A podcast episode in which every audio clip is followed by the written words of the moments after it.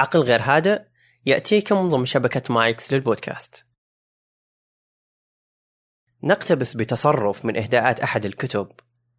تقول الكاتبة عندما كنت في السابعة من عمري كنا نقط في بيت أخضر وكان أحد جيراننا وهو خياط ماهر اعتاد ضرب زوجته وكنا نستمع في الأماسي إلى الصياح والبكاء وفي الصباحات كنا نواصل حياتنا كالمعتاد. وكأن الحي بأكمله يتظاهر بأنه لم يسمع شيئا ولم يرى شيئا. إن هذه الحلقة مهداة إلى أولئك الذين يسمعون والذين يرون.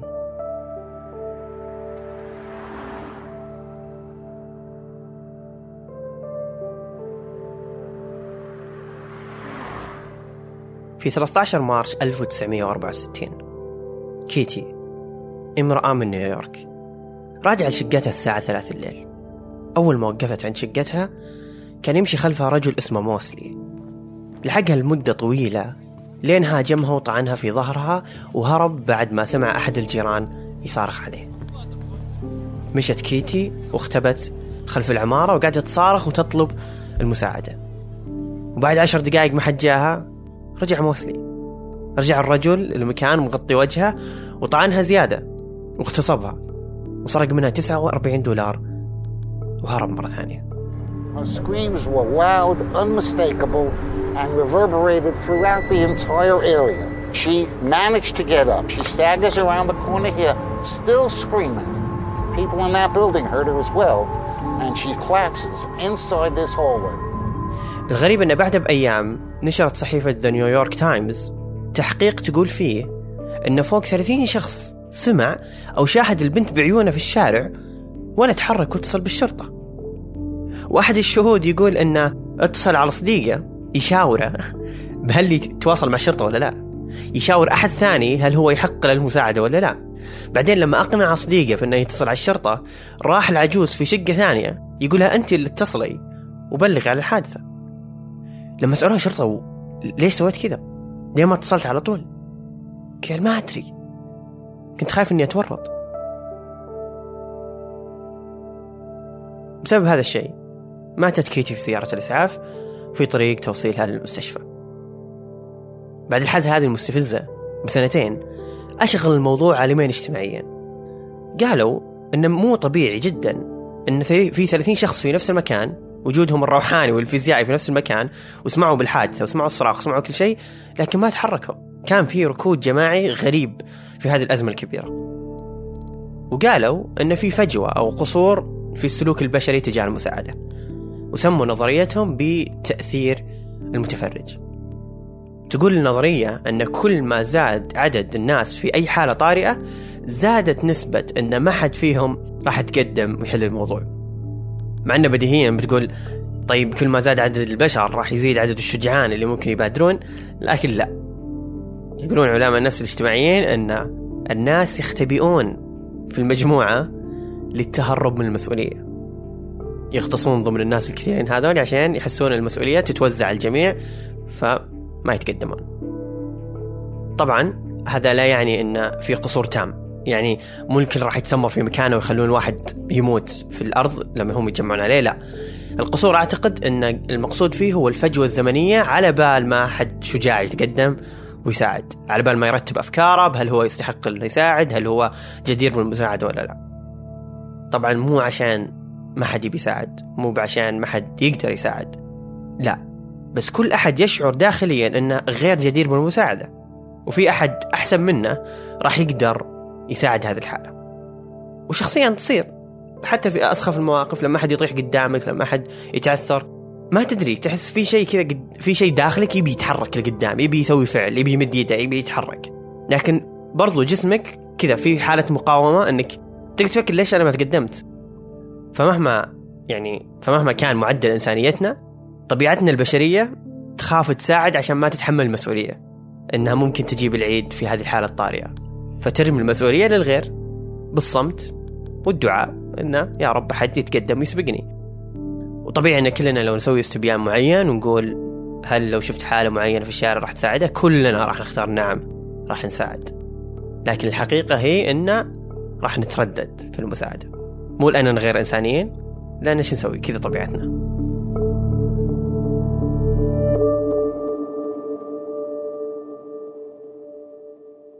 طيب السؤال هو طيب أوكي عرفنا إننا عندنا قصور. هل نقدر نعدله؟ هل نقدر نقلص منه. إيه. لازم لازم لازم تدرب نفسك وتكرر بمخك عند حدوث أي مشكلة جملة إذا مو بأنا مين بيكون؟ دايم افترض الأسوأ إن ما حد راح يتقدم للمساعدة وبادر أنت وحط نفسك مكان الضحية ووقتها بتعرف تقيس مدى حاجة الشخص للمساعدة. طيب لو كنت أنت الضحية وما حد جاي يساعدك شو تسوي؟ يقولون إن أفضل طريقة هي إنك تصنع تواصل بصري بينك وبين أحد الموجودين في المكان هذا اللي متجمعين عندك. فتقول له بصوت مسموع اتصل على الشرطة اتصل على الإسعاف أو أي أو أي حاله أو ممكن هو يجي يساعدك. فبكذا أنت ترمي المسؤولية عليه قبل ما هو يسقطها على اللي حوله. بدل ما يقول يا رب أحد جنبي يساعد أنت تجي تقول له أنت اللي ساعد. فلا اراديا ما يقدر يردك راح يجي يتقدم ويساعدك. الأشياء هذه البسيطة الصغيرة هذه التواصل البصري ممكن يفرق مرة كثير حتى بدون ما تتكلم. ف واحد الأشياء اللي توتر في علم الاجتماع إنه يقولون إن إن الرغبة في الإيثار تكون احتمالاتها أكبر لما يكون في أوجه تشابه بين الشخص المتضرر والشخص اللي بيساعد. كيف يعني؟ في شيء يضحك سووه في 2005 تجربة بحثية حاولوا يسوون يشوفون هل يقدر الواحد يساعد أشباهه ولا ممكن يتردد إذا واحد ما يشبه له. فجابوا شيء بسيط مرة. لبسوا المتضرر فريق معين. ولاحظوا أن تزيد نسبة المساعدة إذا كان المحيط اللي حوله يشجعون نفس الفريق. فلا إراديا الواحد لما يشوف أوجة التشابه هذه الصغيرة اللي ممكن سخيفة بنظر الغير راح يبادر المساعدة وإذا كان فريق الضد ممكن يتأخر في المساعدة وما يساعد خلقه. فقسها على أي هوية مشتركة أو انتماءات جماعية. مسلم زيك أبيض وأسمر زيك فقير زيك ذكر أو أنثى الانتماءات شيء مخيف. لدرجة ممكن تقلل من نسبة إنه ممكن أحد يساعدك أو يتركك. ممكن أحد يقرر إنك تموت أو تبقى حي.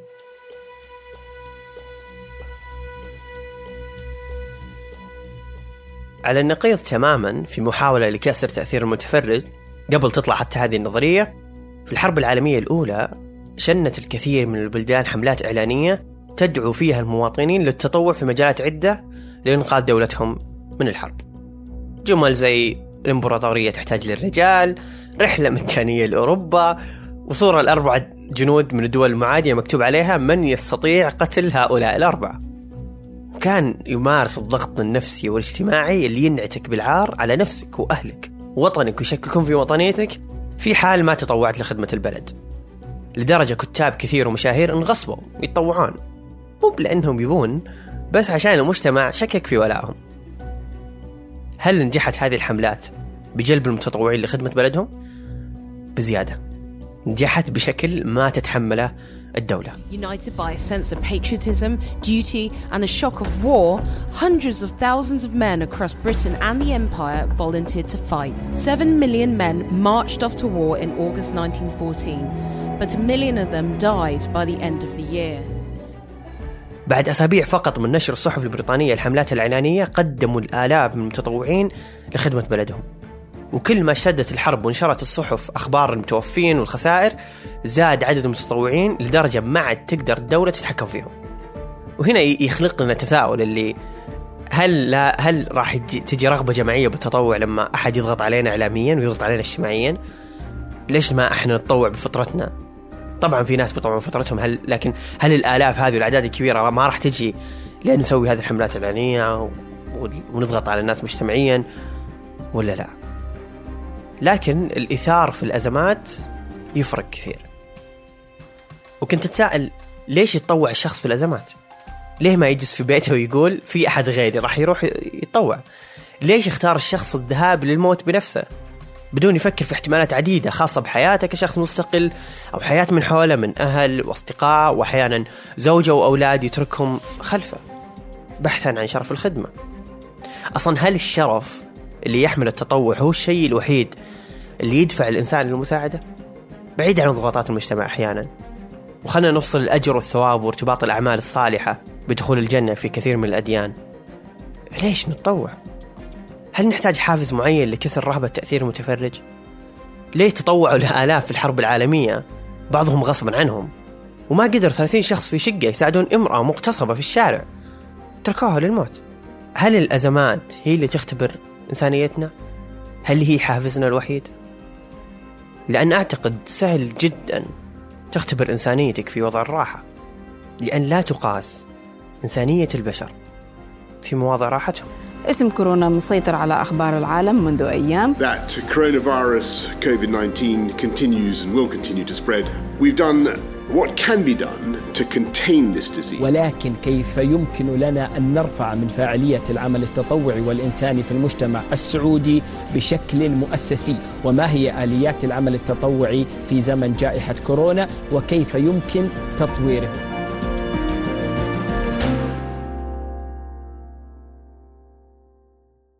الفيلسوف نيتشه. وهو من أكثر الفلاسفة اللي أثرت طبيعة حياته وقسوتها على آراء الفلسفية والأخلاقية. يقول نيتشه أن التعاطف والإيثار ما هو إلا أنانية متسترة وأنها ناجمة مو بإيمانك الكامل بالعطاء بل الخوف من عكسه وهو أنك تصير مخلوق أناني في نظر نفسك والمجتمع. بمعنى أنك مثلا ما تتصدق لأنك تبي تساعد بل تتصدق خوفا من أنك تحس داخليا أنك شخص غير أخلاقي وبدون مشاعر طبعا الفيلسوف هذا متطرف شوي في فلسفته لدرجة إنه يقول إن الإيثار اللي تمنح الأم لولدها برضو أنانية لأنها تبي شعور الأمومة اللي يعطيها إياه وجود الطفل حولها ما تبي الطفل بحد ذاته طيب يعني هل ما يبينا نساعد أحد؟ هل ما يبينا نجيب أطفال ابدا؟ لا يقول إن لو حب الإنسان يساعد مفروض يكون قوي كفاية لدرجة إنه يترك أخلاقياته على الجنب وما تكون المساعدة بدافع الشفقة والعاطفة والرحمة بل يكون تصريفا لفيض زائد كيف تصريفا لفيض زائد؟ قصده أن لما ربي يرزقك فلوس اعتبر التبرع ما هو إلا تصريف لفلوسك الزائدة مو بلأنك متعاطف مع الشخص اللي تتبرع له. ما نتفق معه طبعا. مفهوم الإيثار له تاريخ طويل في الفكر الفلسفي والأخلاقي. وصاغ هذا المصطلح في القرن التاسع عشر عالم الاجتماع والفيلسوف العلمي أوغست كونت. في علم السلوك وهو العلم اللي يدرسون فيه السلوك الحيواني يعرفون الإيثار على أن سلوك الفرد الذي يزيد من لياقة شخص آخر بينما يقلل من لياقة فاعله. بمعنى أنك لما تساعد شخص نظريا أنت تخسر ما عندك لتزيد ما عنده. تنقص فلوسك عشان هو يزيد فلوسه. قلل من وقتك عشان تساعده في مستشفى مثلا تطوع مستشفى. ايا كان نوع المساعدة فأنت بشكل ما تقلل ما عندك وتزيد ما عند الشخص اللي يحتاج المساعدة. ونقدر نطبق هذا المفهوم على مرة أشياء كثير. أعمال خيرية مساعدات طارئة تبرع حتى لو تعطي إكرامية للنادل في المطعم هذا يعتبر نوع من أنواع الإيثار. لأنك مو ملزوم فيه. فعل خير مو ملزوم فيه مو مجبر عليه. عشان كذا نربطه في التطوع. ولأننا عقل غير هادئ دائما نحاول نبحث عن تأثير أفعالنا أخلاقية لا إرادية أو حتى أفعال إرادية على عقلنا. كيف يشتغل؟ كيف يؤثر علينا مزاجيا في أفعالنا هذه؟ والشيء العجيب أنهم ربطوا التطوع بالمخ. ربطت أبحاث علم الأعصاب الشعور بالسعادة لما أحد يساعد أحد ثاني بنشاط يصير في منطقة تسمى النواة المتكئة nucleus accumbens وهي مسؤولة عن نظام المكافآت عندنا. ومنها يتم إفراز الناقل العصبي المعروف الدوبامين اللي نعرف أنه يؤدي إلى الشعور بالنشوة والسعادة. وطبيعي لما يؤدي إلى الشعور بالنشوة والسعادة جسمنا طبيعي بيحاول يكرر الأفعال هذه اللي سببت هذا الشعور. فيصير الواحد لما يساعد مرة ويحس بهذا الشعور يبي يساعد مرة ثانية وثالثة ورابعة. ويصير الشعور كأنه إدمان. طبعا الدوبامين يتعلق في الإدمان بشكل كبير. ومن المبالغة أن نشبه سعادة التطوع بسعادة الإدمان لكن الشعور الناتج عن المساعدة يحث الناس على تكراره أكثر وأكثر عشان يستعيدون هذا الشعور الحلو جدا. في حالة غريبة للي تطوعوا وتبرعوا بأعضائهم لناس غريبين تخيلوا أن التبرع زاد من الشعور الأبوي بالرعاية والاحتواء عندهم.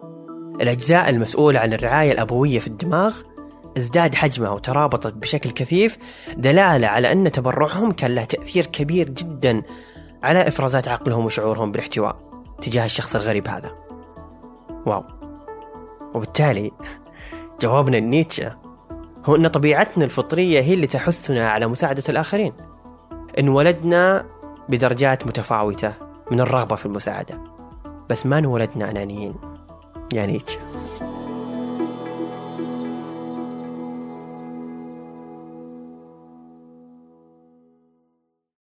المتابع لأزمة كورونا في المملكة والأحداث والمجريات اللي صارت فيها بيلاحظ أن كان في أنواع وطرق مختلفة من التطوع والمبادرات في الآونة الأخيرة. وأهمها والعنصر الحساس فيها هو التطوع في المجال الصحي لأنه قلب الأزمة تقريبا. أبطال في مختلف المجالات الصحية والغير صحية كانوا موجودين ويقدمون كل خدماتهم الممكنة ولكن بطريقة منظمة لأول مرة في السعودية بالتعاون مع وزارة الصحة. الصدق دائما كنا نكرر وبعد في واحدة من الحلقات كنا نكرر أن التطوع في السعودية فوضى شوي كثير كثير فوضى يعني محتاس الوضع جدا وما في تنظيم أبدا. فوجود جهة منظمة ورسمية تحفظ حق المتطوع وحق برضو الجهة المتطوع لها وتنظم آلية الفرز واختيار المتطوع الصح في المكان الصح. لأن برضو كانت هذه مشكلة أن الجهود والطاقات كانت تهدر أن المتطوع يكون في مكان ما ينتمي له أو ما يصلح له. فهذا الشيء كان مهم جدا ومطلب من مدة طويلة جدا. وأعتقد أن الأزمات تعجل من الأفكار البدائية لحل المشاكل. وقلنا لكم قبل حلقة أن الواحد أحيانا يحتاج النغزة عشان يتحرك. نتكلم هنا عن مركز التطوع الصحي التابع لوزارة الصحة. هذا المركز كان يشتغل كوسيط منظم ما بين الفرصة التطوعية والمنظمين لها. تخيل حرفيا أنك داخل موقع في منتجات. وتروح أنت للمنتج اللي يناسب متطلباتك وتشتريه فالفرصة التطوعية تخيلها هي المنتج. ومتطلباتك هي الشيء اللي تبدع فيه أو شهادتك الأكاديمية. مثل ما قلنا المتطوع الصح في المكان الصح عشان يضمنون أن كل المتطوعين يتناسبون بطريقة أو بأخرى مع فرصهم التطوعية اللي مقدمين عليها. إعلام إدارة تسويق وحتى المكالمات الهاتفية. وأذكر شفت واحدة من الفرص التطوعية مونتاج آه، لصحة الشرقية. عشان التوعية بالفيروس والوقاية منه. كل هذه كانت فرص موجودة بدون قصرها على الممارسين الصحيين. عشان تعرفون بس أن مصطلح التطوع الصحي لا يعني بالضرورة أنك ممارس صحي. ولكنك تخدم القطاع الصحي بتطوعك في مجالك الخاص أو حتى العام مثل خدمة المصلين في المساجد. انضم لمنصة التطوع الصحي لحد الآن قرابة أكثر من 90 ألف متطوع منذ بداية الإطلاق في شهر أبريل 2020 يعني نظرية المتفرج قاعدة تصيح في الزاوية. وأضيف للآن أكثر من 830 فرصة تطوعية وأنجزوا أكثر من مليون ساعة تطوعية من بداية الأزمة.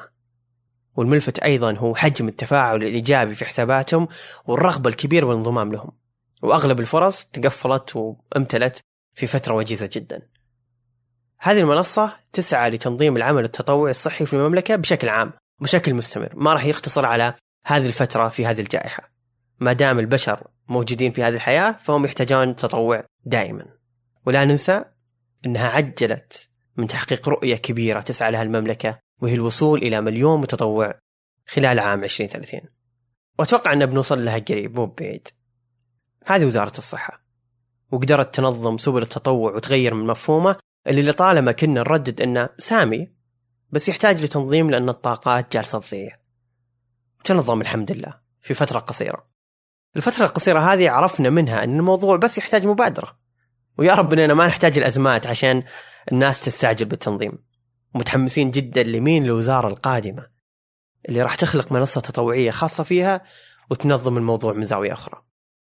لأننا دايم نحتاج الشجاع اللي يبدأ عشان يتقدم جميع المتفرجين ويساعدون بالتغيير ساعدهم وساعد نفسك بالوصول لهذا الرقم والتطوع للمنصة حسب ما يناسبك تحصلون رابط المنصة وحسابهم في تويتر في وصف الحلقة. خلنا نوقف نتفرج.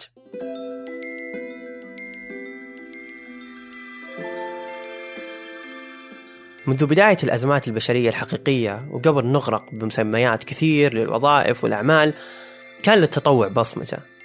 قبل حتى يعتبر أمر سامي تأخذ عليه حوافز فيزيائية شهادة أو ساعات تطوع كان الأمر فطرة وإجابة نداء.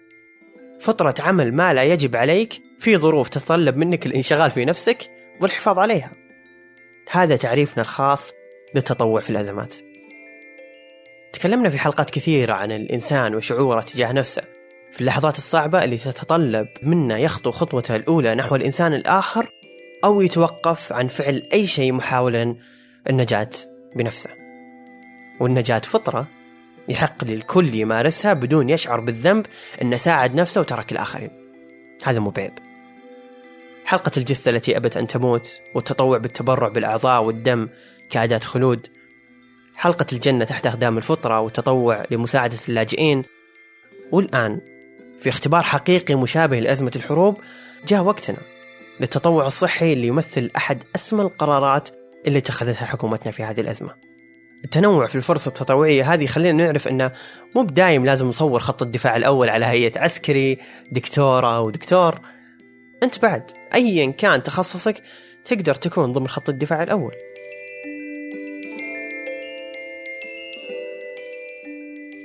نظرية تأثير الفراشة تقول أن رفرفة جناحي فراشة بالصين قد يحدث فيضان وأعاصير في أمريكا.